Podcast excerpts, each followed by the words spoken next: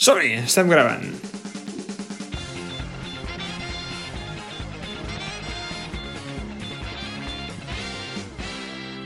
Ara, i aquí, comença Quatre Quartos. Un programa per fer-te 5 cèntims sobre diners, finances i inversió. Amb l'Antoni Domingo i en Martí Martínez de Morentin. Som-hi! Si estàs escoltant això, vol dir que 1. Ja ha arribat el divendres i els aires de cap de setmana. 2. Ens esperen 30 minuts sobre calés i derivats. 3. El mestre deixa lloc a l'alumne per preparar-se a la classe. I 4. Quartos ja està en marxa. Després de fer aquesta petita pausa intersetmanal, tornem com la pluja que per fi comença a caure mentre el món s'entesta en assegurar-nos que cada any serà pitjor que l'anterior. Sabem que el nostre contingut és carburant pels vostres cors inversors i, per tant, hem fet cas al profeta Borrell i n'hem reduït el seu consum. Avui parlarem d'eficiència i intel·ligència i, per tant, res millor que deixar el mestre suís que ens il·lustri amb una lliçó importantíssima del mercat. Però abans que prengui la tarima, deixa'm preguntar-te, mestre Martí, com et tracta la vida? Molt bé, molt bé, però sense necessitat de tant rebre tants afalacs, eh? que això, això quan, quan em presento a l'altra banda no ho faig i no cal. Eh, Home, però content... Em vas dir Yuso a l'anterior programa, per tant, no sé jo si era afalac o no afalac, però necessitava... digues, digues. És veritat, no, no, no era tan afalac. Bé, són estils diferents, però bé, content, amb ganes d'atacar aquest episodi que esperem que ens deixi una lliçó pels temps que corren, diguem-ho de manera suau. Sí, exacte. És important que, que entenguem que aquest context ara que hi ha doncs, de diem estabilitat, doncs, a part de les notícies evidentment normals que surten sobre Ucraïna, la guerra i tot, també estan sortint molta informació sobre el mercat i moltes coses que doncs, deixen a molta gent com dient és el bon moment per invertir, no és el bon moment per invertir, què hem de fer, què no hem de fer, i a partir d'aquestes preguntes que molts de vosaltres ens heu anat fent, doncs volíem fer una mica aquest episodi per deixar clares moltes nocions del mercat i, i fer-vos entendre com, com funciona exactament. Som-hi, posem, posem musiqueta i en parlem després, va. Ara. Que quina hora és? L'hora de comptar diners.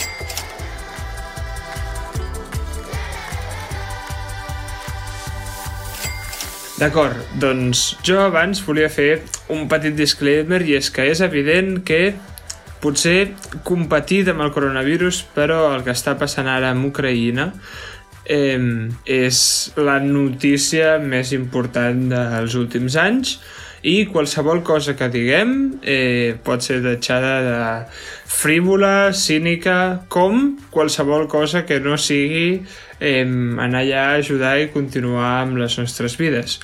Eh, però a risc de ser tot això, amb una de les coses que pot passar ara com passa en qualsevol esdeveniment important eh, a escala mundial és ostres, ostres, i què creieu que passarà amb els diners i què s'ha de fer? Oi, Antonio? Sí, sí, a veure, és, és, el que, és el que tu dius, vull dir, potser pot sonar frívola, pot sonar amb, amb coses tan importants com ha ara estan passant cada dia tan a prop nostre, perquè aquests dos estan aquí parlant de, de diners, inversió, vaya, vaya catalans, no?, que som aquí.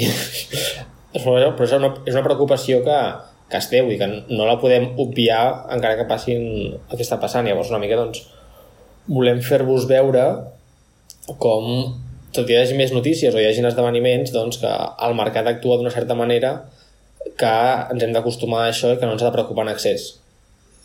És a dir, et pot preocupar per altres temes, però eh, en el nostre punt de vista és eh, sabem que sou persones eh, multitasking i una d'aquestes tasques que no diguem que li pregui importància a totes les altres que segurament tenen molta més importància respecte a agafar aquest conflicte o qualsevol altre és pensar en els estalvis si el teniu i, i en el risc de quedar-se sense estalvis, no? Perquè segurament en una ràpida escalada d'esdeveniments i penses això, potser dius ui, ui, ui, tercera guerra mundial i per tant trec tots els diners, aviam què faig, oi?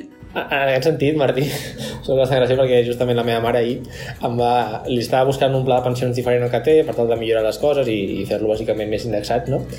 I, I em diu, però ara és un bon moment per fer-ho i jo, escolta el podcast i ho sabràs. O sigui que... Exacte.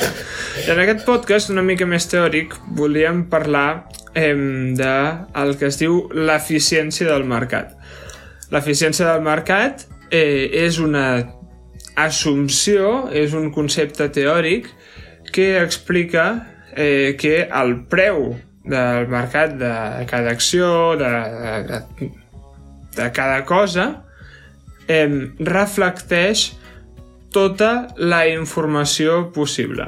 Hi ha com diferents formes d'eficiència, no? Eh, el més dèbil, l'assumpció més dèbil seria que eh, reflecteix tots els preus històrics, però també eh, el, el que diuen assumpcions més, més fortes és que eh, els mercats, el preu dels mercats, reflecteixen tota la informació que hi ha sobre les empreses, eh, sobre eh, tots els actius que estan a la venda. Deixa fer un aquí. Quan, quan parlem d'informació, parlem de bàsicament dos tipus d'informació, fins i tot tres tipus d'informació. El primer seria la informació que les empreses publiquen. Això és important que les empreses, per el fet de cotitzar en borsa, deixen anar cada cert temps uns informes sobre elles de com elles mateixes quins números tenen a nivell de comptabilitat i també les perspectives de mercat que tenen les empreses.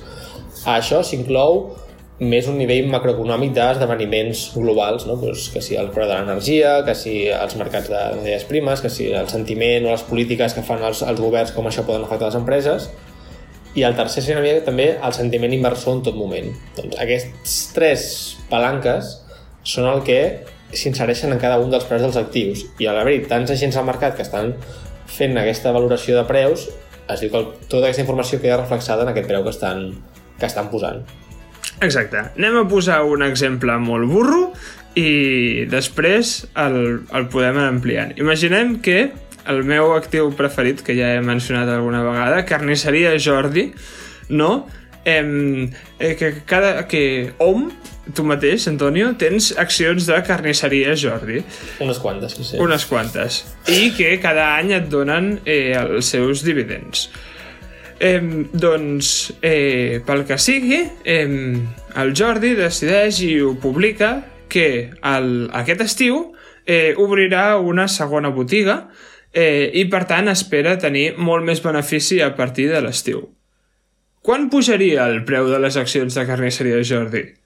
No pujaria a l'estiu pas, o no, no en excés, no té per què. Pujaria en el moment en què se sap si el mercat fos eficient. En el moment en què se sap que això passarà, s'esperen eh, beneficis en el futur i, per tant, el preu de l'acció passa a tenir més valor. Agrada, els inversors calculen que d'aquí un any que Canxeria Jordi estarà guanyant, posem-hi, el doble, perquè ara només tenia una botiga i n'obrirà una altra doncs, molt similar que, cobraran, que guanyaran el mateix, per tant, s'estima que d'aquí un any guanyaran el doble, i per tant, el preu de l'acció que abans valia doncs, a valor de de la participació en una botiga doncs ja, reflexarà, ja reflexarà el fet que hi hagin dues botigues d'aquí un any.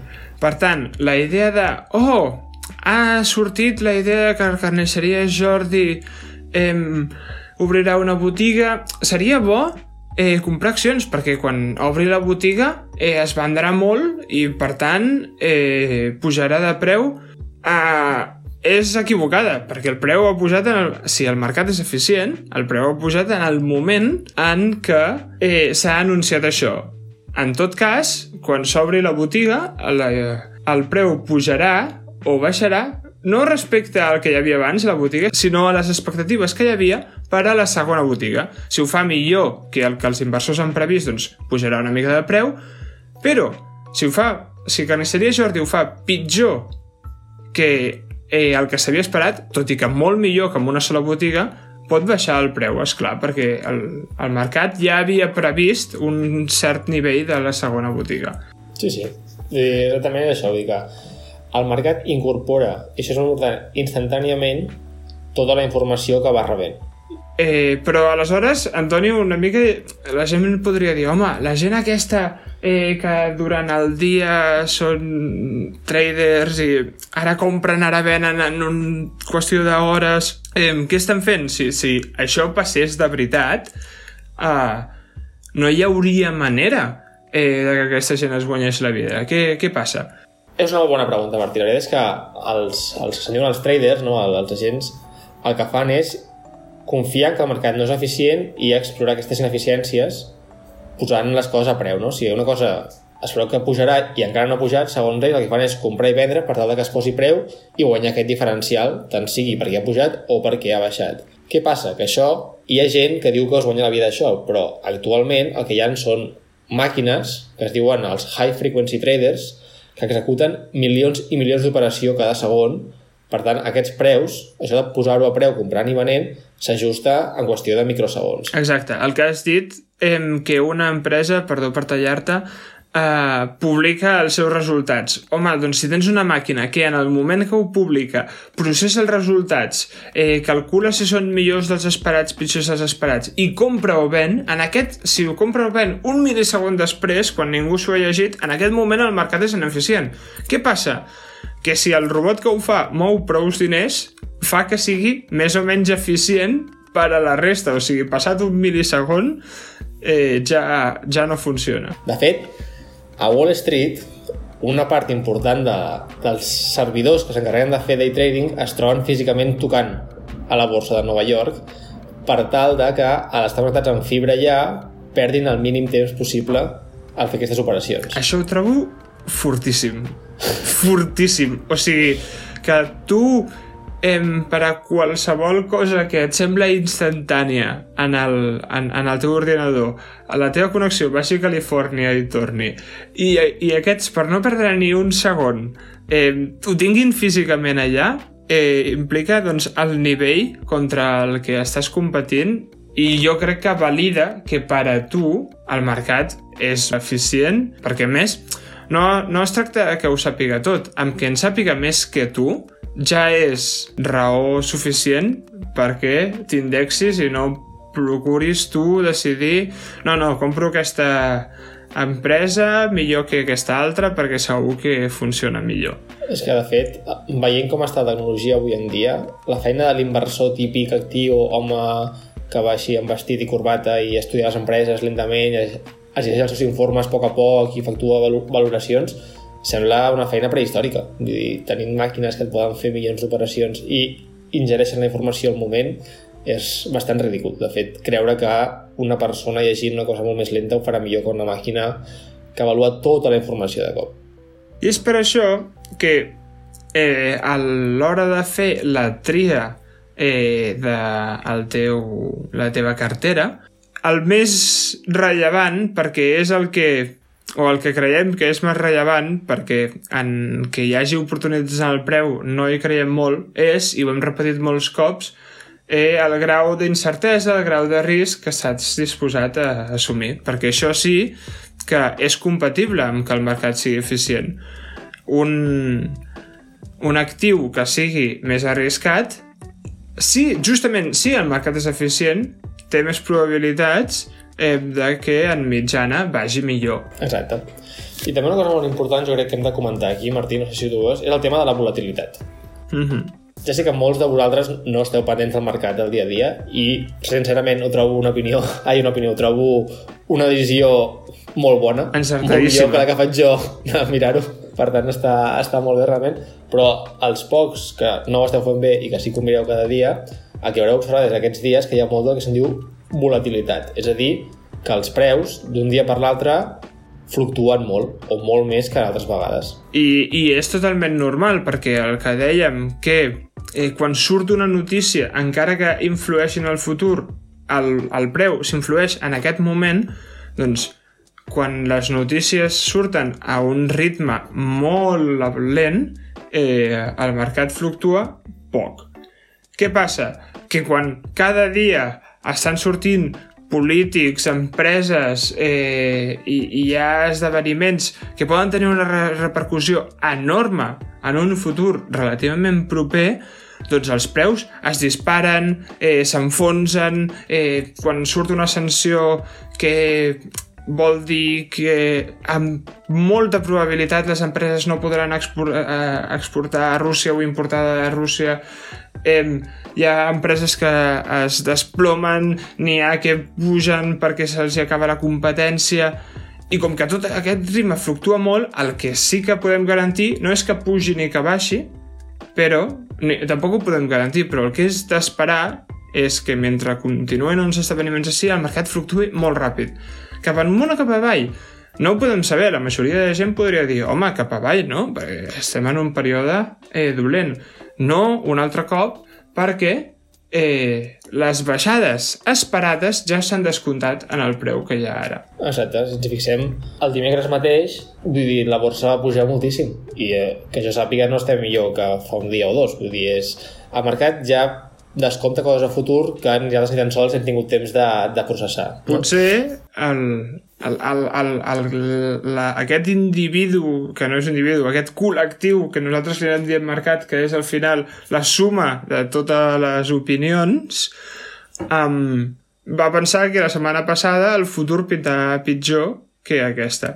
Però també vull fer un petit matís eh, en el que he dit la suma de totes les opinions, perquè realment no tothom ha de tenir informació, no tothom ha de pensar que aquest és el preu correcte, eh, perquè... Martí, si em permets, abans que parlem d'això, que és un tema molt interessant, volia dir que com a, com a mostra de la volatilitat, que, que és part del mercat eficient, és una mica això de que l'argument aquest que està en contra, que diuen que com que hi ha volatilitat el mercat no és eficient, precisament es desmunta, quan el que fa el mercat és agafar la informació en tot moment i processar-la ràpidament i per això hi ha aquesta volatilitat. És a dir, és un argument que s'ha utilitzat molt en contra de la inversió indexada i en contra de l'eficiència del mercat i per mi, o bueno, per mi, per la gent acadèmica i la gent que ha estudiat el mercat, és precisament la mostra total de que el mercat és eficient i interpreta la informació a l'instant. Totalment, totalment, exacte aquestes les fluctuacions no ocorren en el moment eh, que el, el, la vida de la gent comença a veure's perjudicada o beneficiada, sinó en el moment en què surt la notícia. I això justament eh, implica que el mercat és eficient. Per tant, mercat 1, vendeu humos de Twitter 0. 0. I això, per inducció, fins a infinit, però bueno. sí hi ha moltes coses, un, vendeu humors de Twitter, zero, la veritat. Sí, sí, de fet sí, es pot aplicar a tot arreu. Doncs una de les coses que eh, eh, també diuen els vendeu humors de Twitter per fer una mica de eh, justicier demagog, tot i que té una mica de raó, que de fet jo això ho vaig trobar a TikTok. Eh, no m'amago de les meves fonts, però ho he buscat i és veritat. És que la Nancy Pelosi, que és una de les polítiques més importants dels Estats Units de la banda demòcrata han fet molts diners eh, bé, a través del seu ob marit, perquè ja no pot invertir, perquè està en política, però etc etc. Però la cosa és que, bàsicament, inverteixen eh, en comprar i vendre molts diners de les, les Big Tech, que es diu, les empreses de tecnologia importants, que justament la Pelosi és responsable de regular, la qual cosa és relativament il·legal i molts diners vol dir 30 milions eh, de dòlars, eh? no, no és poca cosa. Um, però t'indica fins a quin punt no, eh, una informació interna que potser ningú havia processat, ella va ser la primera en comprar fins que ella considerés que el preu fos just, bueno, ella, el seu marit, etc. Tot això presumptament, eh? Ara no vull anar a la presó per dir que això.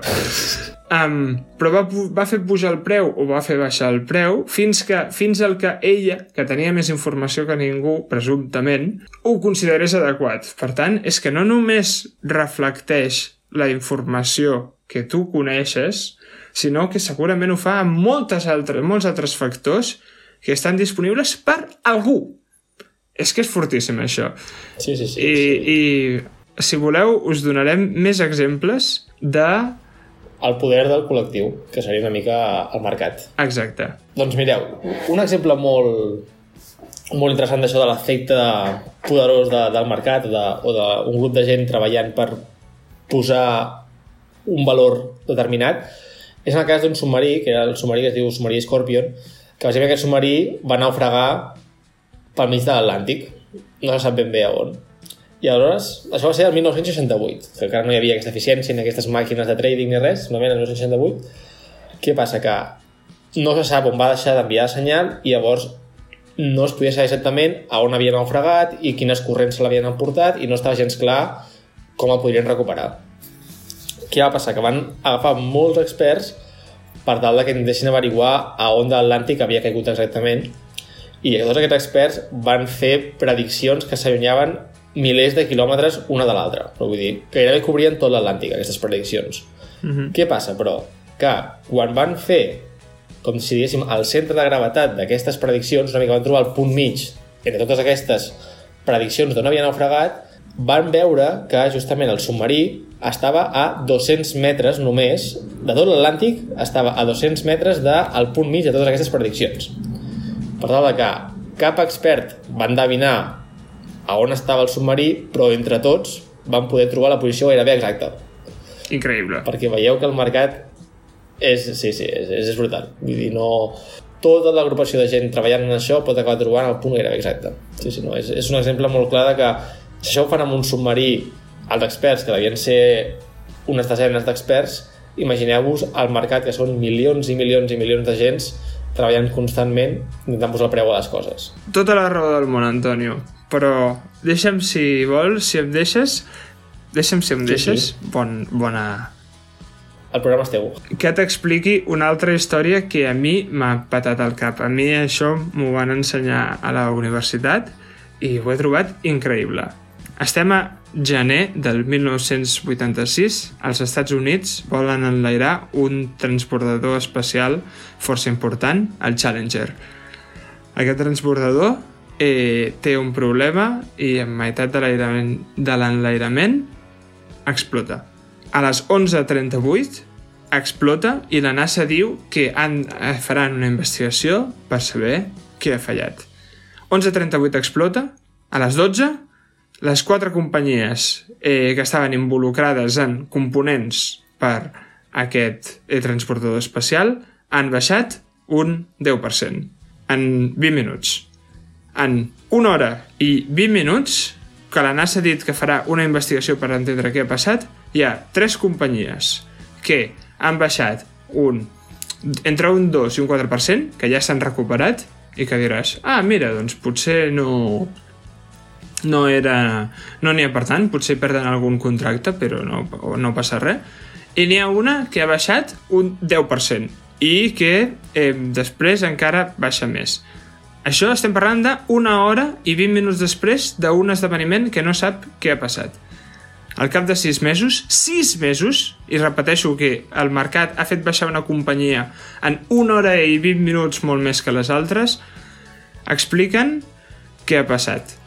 Expliquen que hi veia una part que ha estat defectuosa i que ha fet explotar el coet.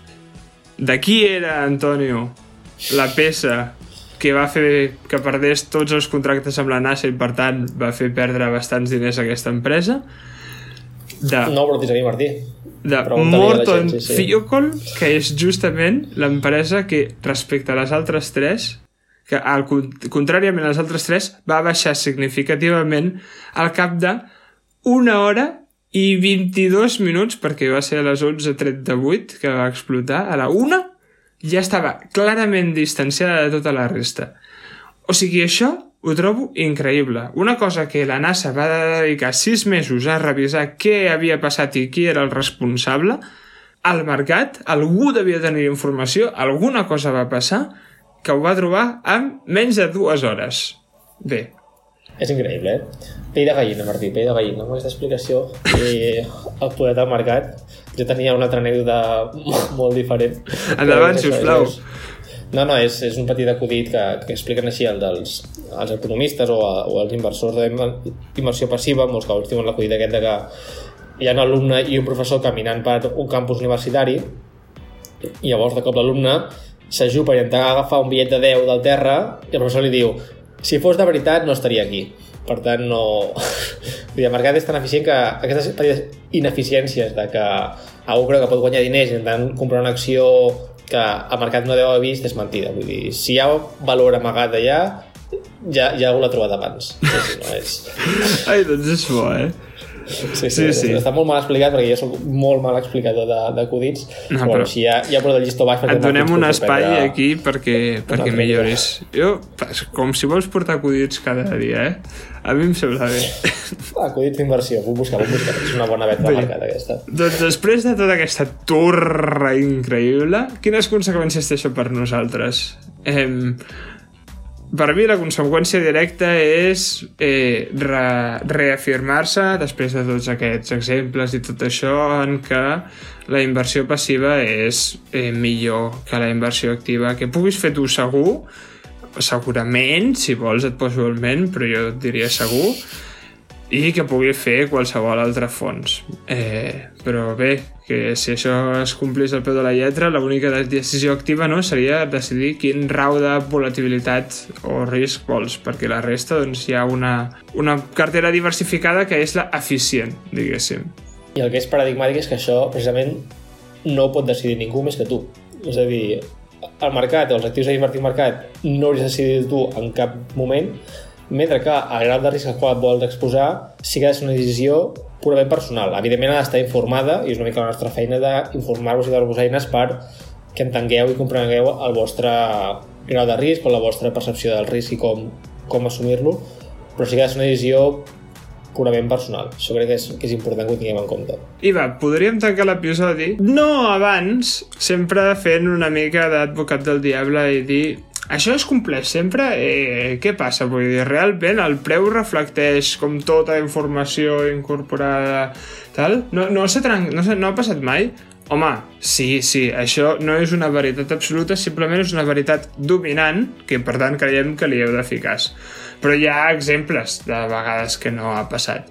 Un cas molt sonat va ser eh, el d'una companyia, GameStop, molt ràpidament, any passat, o fa dos anys, ara no ho recordo, una companyia eh, que s'estava morint, obsoleta, el seu preu anava baixant a poc a poc i molts bancs, molts fons, voltors, etc, grans inversors, eh, es van posar en curt, és a dir, van apostar que aquesta companyia baixaria a curt, més, mitjà eh? termini. Sí, sí. Què va fer un fons de Reddit, una pàgina web, eh, un, un, un grup de Reddit va dir comencem a comprar com bojos, nosaltres perdem diners, però els bancs perdran encara molts més diners. I això va arribar a, al Congrés dels Estats Units perquè van demanar de regular el mercat perquè si no farien fallida eh, fons prou importants. Eh, aquesta pujada va ser per una, perdoneu, fumada, complot, el que vulgueu dir-li, d'algú de Reddit. No va ser... No, no és una cosa racional. Això no ho van fer per les expectatives que tenia l'empresa eh, de donar dividends a llarg termini. Per tant, hi ha excepcions. Què passa? Que això va ser tan sonat justament perquè és una excepció. I sobretot va ser sonat perquè va fer una cosa que no hauria de passar mai, i és que es va prohibir a una... un broker va prohibir comprar i vendre aquestes accions, mentre que un altre broker sí que ho permetia. Per tant, es va es diu tampering en el mercat americà, que és això, doncs, no, és a dir, regular-lo per tal que certa gent pugui accedir-hi i certa gent no pugui accedir a comprar valors. Mal. Sí, sí, va ser, un, va ser un cas que realment, ara que està tan de moda dir-ho, va canviar una mica el paradigma de la inversió, perquè es va demostrar que hi ha uns que manen que poden evitar que la gent retail, com serien els, els, els usuaris de Reddit, poguessin comprar i vendre aquestes accions i arruïnar així els, els grans bancs d'inversió americans. I parlant de canvis de paradigma, no ens podem oblidar de les nostres amigues enemigues, les criptomonedes. Que cada cop que l'Elon Musk fa un tuit una mica, amb una mica de salseta, es foten unes hòsties o pugen de maneres espectaculars. I realment, si tu mires fredament, no sé si el fet de que Elon Musk faci un tuit més, un tuit menys, eh, pot influir tant en el, en el futur valor d'un actiu així. Per tant, sí que hi ha coses que es veuen més irracionals que altres. Sí, sí no, no, jo crec que aquí Martí està tot un tema que rebota un altre cop en el tema de la volatilitat. No? Què passa? Aquests actius, com les criptomonedes, són actius amb molta menys vida que les empreses o, o els bons. I, per tant, el mercat tampoc se sap ajustar a la seva incertesa inherent. Saps? És a dir, un actiu, saps que una empresa pot fluctuar més o menys en funció dels esdeveniments que ocorren al món. Són més o menys forts o, o, o canviadors a, a curt i mitjà termini, com dèiem abans doncs, amb el tema de, de Rússia, no Rússia, doncs com això afecta les accions. Ja es té clar perquè són molts anys que el mercat ha anat ingerint informació, però amb el tema de les criptomonedes el mercat encara no sap del tot com ingerir aquesta informació que tenen. I que són molt menys... eh, Hi ha menys informació, eh, diguéssim, no? És una cosa molt més desconeguda i al final, doncs, òbviament, com més informació hi ha, més fàcil és processar-ho tot bé i fer una bona estimació i, per tant, hi ha més números, diguéssim, que aquest, això sigui eficient.